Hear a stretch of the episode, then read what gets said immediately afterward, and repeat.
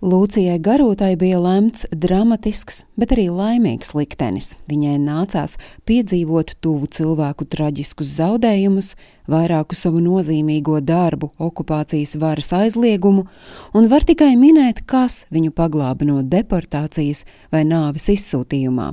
Zinātāji teica, tas pateicoties komponistes smalkjūtīgajam raksturam, kas ļāva viņai dzīvot bez ienaidniekiem, gan personiskiem, gan profesionāliem.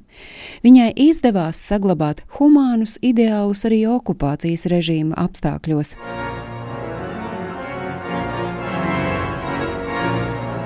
Latviešu tautai zināmākā ir viņas radītā kantāte Dievs, tava zeme deg, skaņdarbs, kas mūsu nācijas kolektīvajā apziņā ir ieguvis simbolisku jēgu.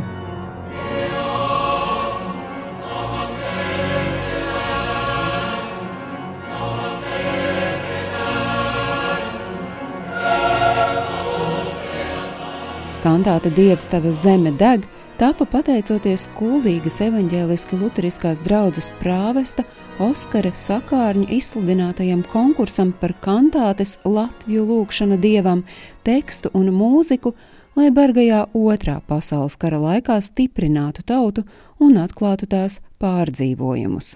Uzvarētāji 47 darbu konkurencē bija divi Andreja Eglīša darbi, kuri apvienoti vienā kļuva par pamatu jaundarbam diviem solistiem, korim un ērģelēm. Iedvesmu kantātes mūzikas radīšanai guva Lūcija Garūta.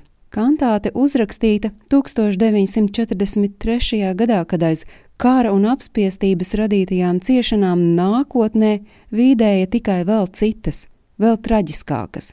Kantāte Dievs tava zeme deg koncentrēja izmisīga, sakāpināta dramatisma emocionālo spriegumu, ko komponiste, muzikologu vārdiem runājot, sakausēja ar lirisku kontemplāciju, reliģisku apceri un apskaidroti cildena rakstura vizionāriem paredzējumiem.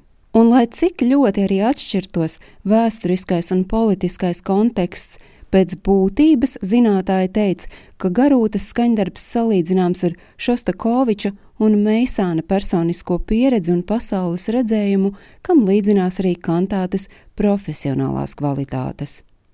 Kantātes pirmatskaņojumu ierakstīja, bet pēc kara padomju valdība lika to iznīcināt. Kantāte bija aizliegta, un to nedrīkstēja ne atskaņot, ne pieminēt.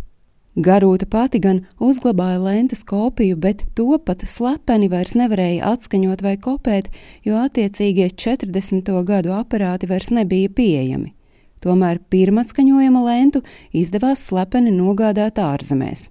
1982. gadā to komponistam Longinam apkalnam izdevās restaurēt, un tajā gadā arī notika pirmais koncerta atskaņojums trimdā. Tas notika Stokholmā.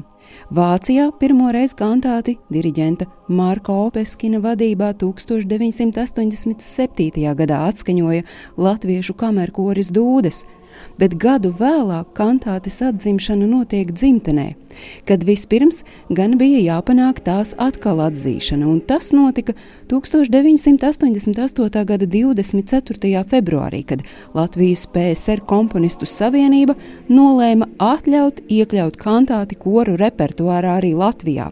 Un tā paša gada 5. maijā, reizē ar trešās atmodas vēsmām, Dievs tava zeme deg, tika atdota latviešu tautai. Šo misiju paveica diriģents Imants Kokars un viņa kamerkoris Avesola.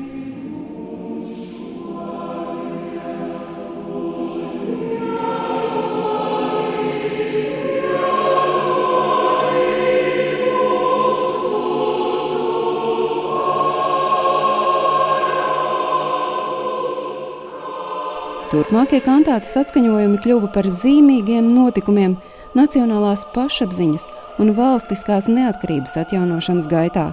Kantātes vidusdaļa - lūkšana. Mūsu Tēvs debesīs kļuva par 1990. gada vispārējo latviešu dziesmu svētku koncerta kulmināciju.